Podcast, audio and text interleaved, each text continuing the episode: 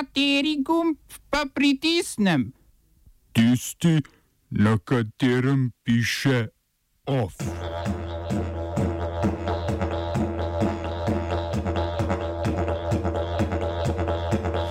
Protivladni protesti v Pakistanu. Prepoved političnih oglasov na Twitterju. Ministerski odstopi na japonskem. Evakuacija in deaktivacija bombe v Mariboru. Dan reformacije in maraton groze v Kinodvoru.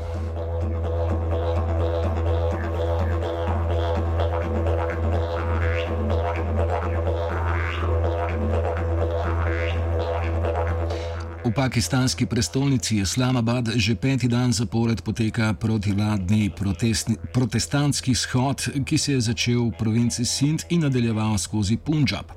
Glavna organizatorka protestantov je desna stranka Združenje islamskih klerikov. Združenje je manjša stranka, ki v spodnjem domu nacionalnega parlamenta nima nobenega predstavnika, ima pa štiri predstavnike v senatu. Kot je v navadi na opozicijskih protestih, vladi očitajo, da so bile volitve, na katerih je prevzela oblast, nelegitimne. Poleg tega dodajajo še, da vlada ni ustrezno ukrepala glede gospodarske krize. Protestante sicer podpirata tudi glavni opozicijski stranki, Pakistanska muslimanska liga Navas in Pakistanska ljudska stranka.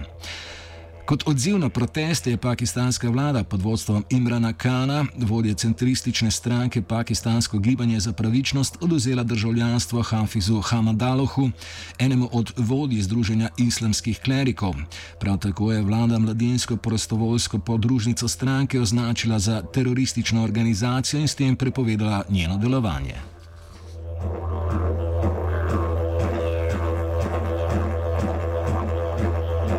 Direktor podjetja Twitter Jack Dorsey je naznanil, da gre socialno omrežje do 22. novembra v reformacijo glede političnih oglasov.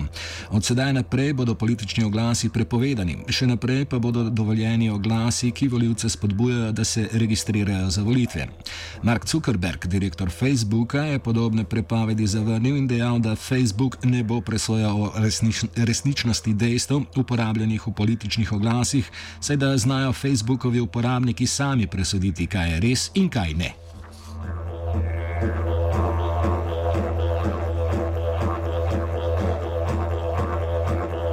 Preiskava o požaru v londonskem stolpu Grenfell, zaradi katerega je leta 2017 umrlo 67 ljudi, je pokazala, da je veliko število žrtev umrlo zaradi napačnega ravnanja londonske gasilske brigade in zaradi fasade, ki je bila zgrajena iz unetljivih materijalov. Fasada Grenfella je bila unetljiva bolj kot knjige, ki jih je zažigal Tomaš Hren. Londonski gasilci so pri gašenju požarov uporabili taktiko Ostanite na mestu, eh, ki se je izkazala kot usodna za prebivalce, predvsem zgornjih nadstropij stavbe, do katerih gasilci niso uspeli prispeti, preden bi se požar usodno razširil. Sodišče je prav tako ugotovilo, da so se operaterji centrov za klice v sili v veliki večini odzvali napačno in lagali klicateljem, da je pomoč že na poti, da bi jih pomirili. Sodišče je britanski vladi predlagalo, da spreme zakon, ki lastnike stopnic obvezuje, da gasilcem posredujejo informacije o zunanji zgradbi stavbe. Sodišče pa vlade ni opozorilo na dejstvo, da je stavb z unetljivimi fasadami v Londonu še mnogo in da se lahko tragedija ponovi, če se fasade ne bodo zamenjale z neunetljivimi materijali.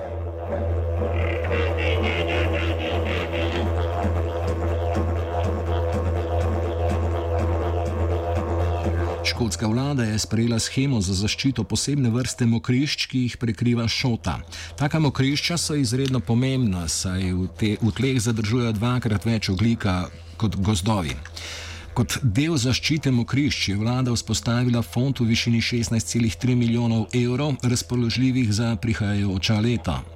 Lastniki zemljišč, na katerih eh, so šotna mokrišča, lahko zaprosijo za sredstva in z njimi nazaj vzpostavijo mokrišča, ki so bila že delno izsušena zaradi pogozdovanja. Britanska vlada je namreč v 80-ih eh, lastnikom zemljišč podeljevala sredstva, da so na mokriščih sadili gozdove in s tem izsuševali mokrišča z namenom, da utrdijo površino. Sledeč schemi naj bi bilo do konca leta 2020 nazaj vzpostavljenih 50 tisoč hektarjev mokrišč, do leta 2050 pa 250 tisoč hektarjev.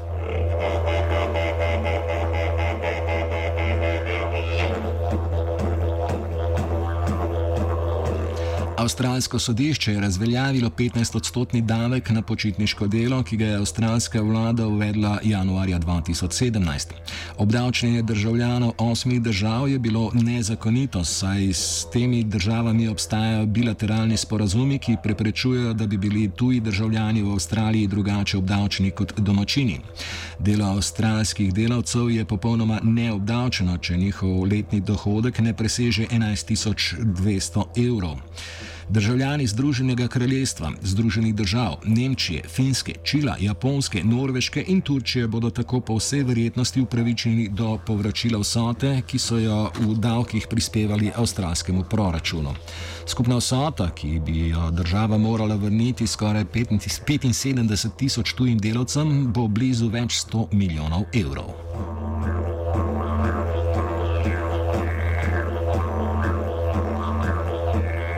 Na japonskem je odstopil pravosodni minister Katsuyuki Kawai. Gre že za drugi ministerski odstop v enem tednu.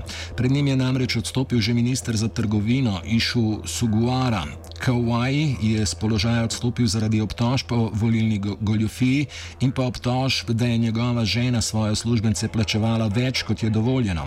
Minister za trgovino Suguara je prav tako odstopil zaradi obtožb o volilni goljofiji. Obtožen je bil, da naj bi voljivce obdarjeval z dragimi melonami in rakci. Prav tako naj bi družini, ki ga je podpirala v kandidaturi, ponudil denar ob smrti njihovega svojca. Pred dobrim mesecem dni spet izvoljeni predsednik vlade Shinzo Abe je njuna odstopa že sprejel in se opravičil javnosti, da jo je sploh imenoval na položaj. Oba, če, če bom odgovoril na angliški. Slovenija bo poskušala pomagati. Slovenija bo naredila naš utmost, da bo rekla, da je situacija naš problem, naš sami. In da bomo naredili nadaljnje korake, as soon as the conditions are. Bomo vlado Marjana Cererera Šarca podprli. Very, very serious. News from Slovenia. We know how and we will.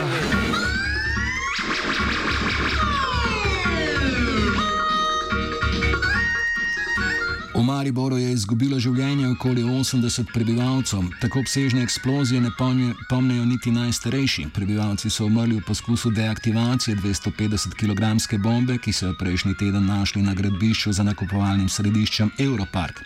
Časnik večer poroča, da so leta 1969 take bombe odstranjevali prebivalci sami.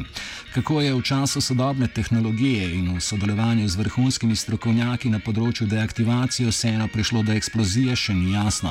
Odprta pa bo obstala možnost, da gre za nasilje strani v Ljubljani centralizirane oblasti. Kaj si fucking stari? Kaj si ti fucking?